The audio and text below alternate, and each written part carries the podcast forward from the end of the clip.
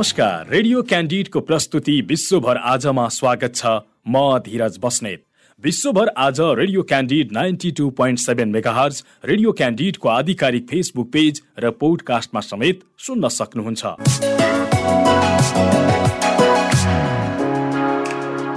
विश्वभर आजमा हामी विश्वभर घटेका ताजा र विशेष घटना समेटिएका समाचार सामग्री प्रस्तुत गर्दै आएका छौँ। विश्वभर आज हरेक दिन बेलुका आठ बजेको क्यान्डिड फटाफटपछि प्रसारण हुँदै आएको छ।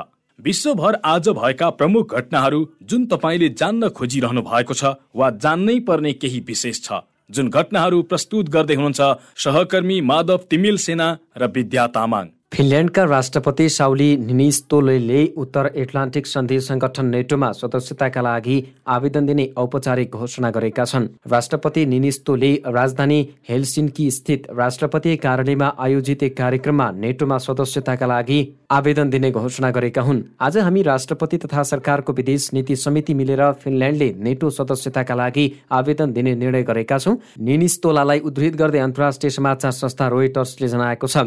यसअघि गत बिहिबार राष्ट्रपति निनिस्तो तथा प्रधानमन्त्री सन्ना मारिनले आफूहरू नेटो सदस्यताको पक्षमा रहेको जनाएका थिए। लामो समयदेखि तटस्थताको नीति लिइरहेको फिनल्यान्डमा पछिल्लो समय रुसले युक्रेनमाथि आक्रमण गरेसँगै नेटो सदस्यताका लागि जनमत बलियो भन्दै गएको बताइन्छ। फिनल्यान्ड र रुसबीच तेह्र सय किलोमिटर लामो सीमा जोडिन्छ। फिनल्यान्ड बाहेक अर्को उत्तर युरोपेली मुलुक स्विडेनले पनि नेटोमा सदस्यता दिनेबारे तयारी गरिरहेको रोयटर्सले जनाएको छ। यसअघि निनिस्तोले रुसी राष्ट्रपति भ्लादिमिर पुटिनसँग टेलिफोन वार्ता गरी नेटोमा सदस्यता दिने फिनल्यान्डको तयारीबारे रुसलाई जानकारी गराएका थिए। जवाफमा राष्ट्रपति पुटिनले फिनल्यान्डको कदमले दुई मुलुकबीचको सम्बन्धमा असर पर्ने चेतावनी दिएको रोइटर्सले जनाएको छ। बेलायतले युक्रेनमा रुसले झण्डै एक तिहाई सैनिक गुमाएको जनाएको छ। बेलायती सैनिक जासुसी निकायलाई उद्धृत गर्दै अन्तर्राष्ट्रिय समाचार संस्था रोइटर्सले जनाएअनुसार पूर्वी युक्रेनको डोनबास क्षेत्रमा रुसी आक्रमणको गति सुस्ताएको छ भने रुसी फौज निर्धारित कार्यतालिका भन्दा धेरै पछाडि छन्। प्रारम्भिक रूपमा ससाना प्रगति गरे पनि पछिल्लो महिनामा रुसले ठूलो भूभागमा जित हासिल गर्न सकेको छैन भने निरन्तर रूपमा भारी हताहती बेहोरिरहेको छ। बेलायती रक्षा मन्त्रालयको ट्विटमा जनाइएको छ रुसले फेब्रुअरीमा तैनात गरेको मध्ये एक तिहाई सैनिक अहिले गुमाएको जस्तो देखिन्छ।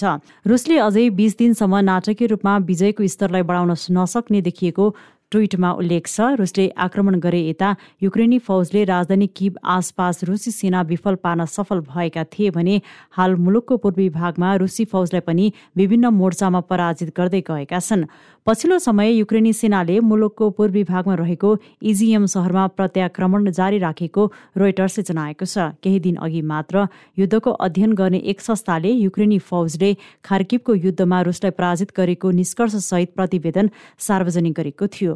युद्धबारे अध्ययन गर्ने Institute for the Study of वारद्वारा जारी प्रतिवेदनमा रुसी फौज पछि हट्दै गएको जनाइएको थियो। त्यसैले युक्रेनी फौजले खार्किबको युद्ध जिते जस्तो देखिन्छ। प्रतिवेदनलाई उद्धृत गर्दै बेलायती अखबार द गार्जियनको अनलाइन संस्करणले जनाएको छ।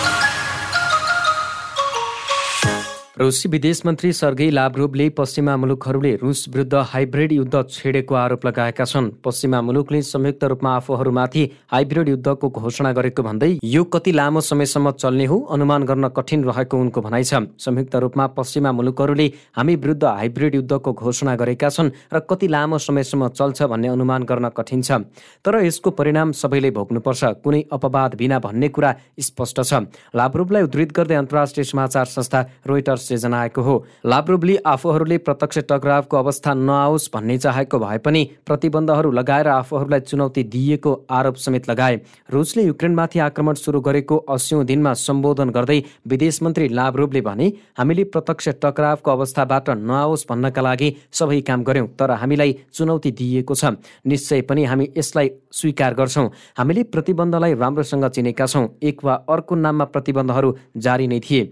युक्रेनमाथि आक्रमण गरेको दण्ड स्वरूप पश्चिमा मुलुकहरूले रुसका ठूला कम्पनी बैंक राजनीतिक नेताहरू धनाढ्य लगायतलाई लक्षित गरी प्रतिबन्धको घोषणा गरेपछि रुसी विदेश मन्त्रीको पछिल्लो भनाइ आएको हो। पश्चिमा प्रतिबन्धका कारण थला परेको रुसमा यो वर्ष मुद्रास्फीति बढेर सत्र दशमलव आठ तिन प्रतिशत पुगेको जनाइएको छ।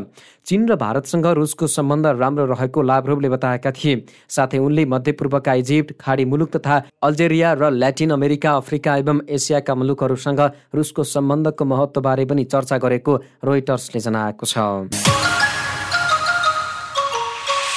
उत्तर कोरियाले आइतबार ज्वरोबाट थप पन्ध्रजनाको मृत्यु भएको घोषणा गरेको छ। कोरोना भाइरसको प्रकोप फैलिरहेको उत्तर कोरियामा मृत्यु भएकाहरूलाई कोभिड नाइन्टिन भएको आशंका गरिएको छ। राज्यको आधिकारिक समाचार संस्था केसीएनएले प्रकोप सुरु भएदेखि बयालिसजनाको मृत्यु भएको बताएको छ। मुलुकमा आठ लाख बिस हजार छ सय बिसजनालाई ज्वरो देखिएको तीमध्ये तीन लाख चौबिस हजार पाँच सय पचासजना उपचार गरी निको भएको बताइएको छ। उत्तर कोरियाको राजधानी प्योङयाङमा कोरोना भाइरसको ओमिक्रोन भेरिएन्ट पत्ता लागेको गत बिहिबार पुष्टि भएको थियो। उत्तर कोरियाले कोरोना भाइरसको प्रकोप नियन्त्रणका लागि निकै कडा मापदण्डहरू लागू गरेको छ। मापदण्ड अनुसार उत्तर कोरियामा देशव्यापी रूपमा लकडाउन गरिएको छ। उत्तर कोरियाले नागरिकलाई घरबाट बाहिर निस्कन दिएको छैन। पछिल्ला केही दिन यता ज्वरोका बिरामीहरू बढेकाले उपचारमा स्वास्थ्य कर्मीहरू परिचालन गरिएको छ। उत्तर कोरियामा यसअघि शनिबार ज्वरोबाट थप एक्काइसजनाको मृत्यु भएको बताइएको थियो। त्यहाँ कोभिड नाइन्टिनको पहिलो घटना पुष्टि भएको दुई दिनपछि देशव्यापी रूपमा पाँच लाखभन्दा बढी मानिस बिरामी परेको बताएको भएको छ। उत्तर कोरियाली जनस्वास्थ्य मन्त्रालयको संयोजनमा ज्वरोका बिरामीहरूको उपचारका काम भएको छ। उत्तर कोरियामा ज्वरो आउने बिरामीको सङ्ख्या बढ्दै गएको छ। ती ज्वरोका बिरामीमा कोभिडको सङ्क्रमण भएको आशंका गरिएकाले उपचारमा पनि सतर्कता अपनाइएको जनाइएको छ। त्यहाँका नागरिकलाई कोभिड विरुद्धको खोप दिइएको छैन। अधिकांश जनसङ्ख्याले खोप नलगाएका कारण ज्वरोले थरिएका भनेका यी मानिसमा पनि कोभिडको सङ्क्रमण भएको हुन सक्ने आशंका गरिएको छ। उत्तर कोरियामा कोरोना भाइरस तीव्र गतिमा फैलिरहेका बेला दक्षिण कोरियाले यसको नियन्त्रणका लागि उत्तर समक्ष वार्ताको प्रस्ताव गरेको छ। प्रकोपको नियन्त्रण गर्न उत्तर कोरियालाई सहयोग गर्ने विषयमा वार्ता केन्द्रित हुने दक्षिण कोरियाले जनाएको छ। यही साताको सुरुमै कार्यस्थलमा वार्ता सुरु हुने गरी प्रस्ताव गरिएको नाम उल्लेख नगरिएका एकजना दक्षिण कोरियाली वरिष्ठ अधिकारीलाई उद्धृत गर्दै योनहाप समाचार संस्थाले जनाएको छ। यही साताको सुरुमा कार्यस्थलमा वार्ता गर्ने बारे उत्तर कोरिया समक्ष औपचारिक प्रस्ताव पठाउने विषयमा सक्रिय रूपमा समीक्षा गरिरहेको छ। ती अधिकारीले भने अर्का एकीकरण मन्त्रालयका अधिकारीले उत्तर कोरियालाई व्यवहारिक सहयोग गर्ने विषयमा सक्दो छिटो प्रस्ताव गर्ने तयारी भइरहेको जनाएका छन्। उत्तर कोरियाले मुलुकमा गत बिहिबार कोरोना भाइरसका संक्रमित पहिलो पटक फेला परेको जनाएको थियो। त्यस यता प्रकोप व्यवस्थापनका लागि उत्तर कोरियाले तेह्र लाख चालिस हजार जनालाई परिचालन गरेको युन हापले जनाएको छ। दक्षिण कोरियामा युन सुक युवलले नयाँ राष्ट्रपतिको कार्यकाल सुरु गरेसँगै दक्षिणले उत्तरलाई वार्ताको प्रस्ताव गरेको हो। गत शुक्रबार युनले उत्तर कोरियालाई कोभिड नाइन्टिन खोप तथा अन्य औषधि सहायता उपलब्ध गराउने प्रस्ताव गरेका थिए। न्युयोर्कमा भएको गोलीकाण्डमा दसजनाको मृत्यु भएको छ। बफेलो सहरमा भएको सो गोलीकाण्डपछि एक अठार वर्षीय युवकलाई पक्राउ गरिएको छ। प्रहरीले उनको नाम भने खुलाएको छैन। गोली हान्नु अघि शङ्कास्पद व्यक्ति एउटा व्यस्त सुपरमार्केटमा शनिबार देउसो प्रवेश गरेका थिए। एफबिआईले सो गोलीबारीलाई हिंसक अतिवाद भनेको छ। पछिल्लो गोलीकाण्डलाई जातीय उत्प्रेरित घृणापराधको रूपमा अनुसन्धान भइरहेको छ। हामी यो घटनालाई घृणित अपराध र जातीय उत्प्रेरित हिंसात्मक अतिवादको मुद्दाको रूपमा अध्ययन गर्दछौँ। एफबिआईको बफेलो कार्यालयका एजेन्ट स्टिफन बेलोन्जियाले भने सहरमा अस्पेतहरूको बाहुल्यता रहेको क्षेत्रमा पुग्न ती शङ्कास्पदले घन्टौसम्म सवारी चलाएको हुन सक्ने प्राप्त विवरणहरूमा जनाइएको छ। तेह्रजनामा गोली प्रहार गरिएको थियो र उनीहरूमध्ये अधिकांश अस्पेत रहेको बफेलो प्रहरी आयुक्त जोसेफ ग्रामालिगियाले बताएका छन्। तीनजना घाइतेलाई भने ठूलो चोट नलागेको प्राप्त विवरणहरूमा जनाइएको छ। सुपरमार्केटमा सुरक्षा गार्डको रूपमा काम गरिरहेका एक सेवानिवृत्त प्रहरी अधिकारीले संदिग्धलाई गोली हान्न खोजेका थिए तर आक्रमणकारीको निशानामा उनी आफै परे।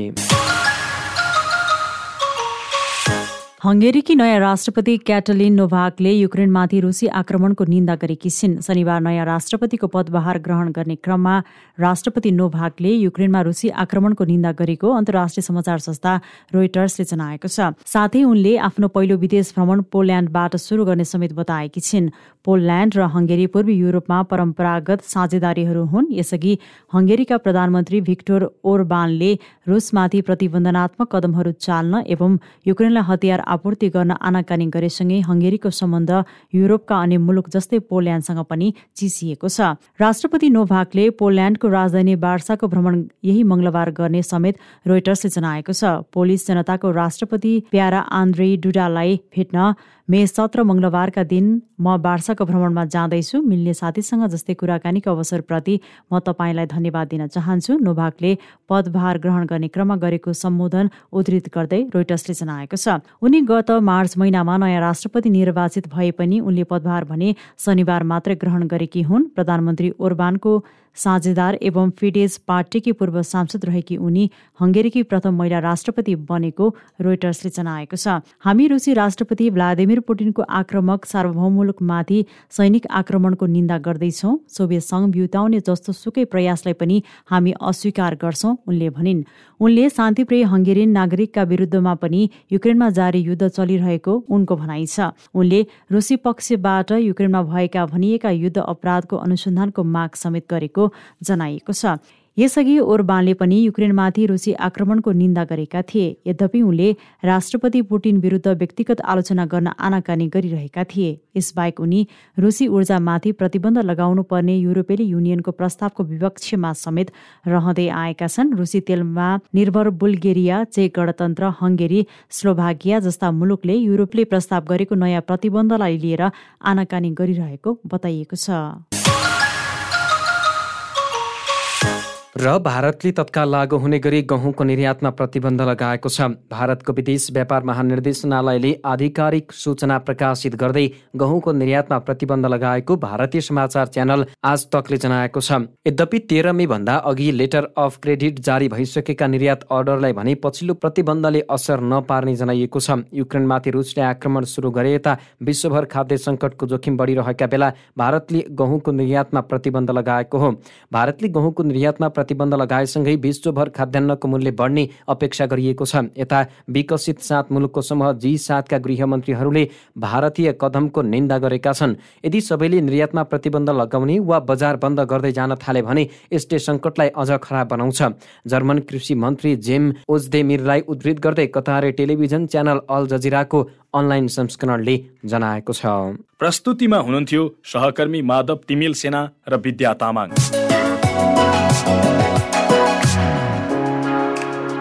विश्व गतिविधि रेडियो क्यान्डिडको दैनिक प्रस्तुति हो। तपाईँले रेडियो क्यान्डिडको वेबसाइट आधिकारिक फेसबुक पेज र पोडकास्टमा सुन्न सक्नुहुनेछ। सँगै खबर हब डट कममा पनि विश्व गतिविधि पढ्न सक्नुहुनेछ। भोलि फेरि यसै समयमा विश्व गतिविधि बुलेटिन लिएर उपस्थित हुनेछौँ। आजलाई भने बिदा दिनुहोस्। नमस्कार।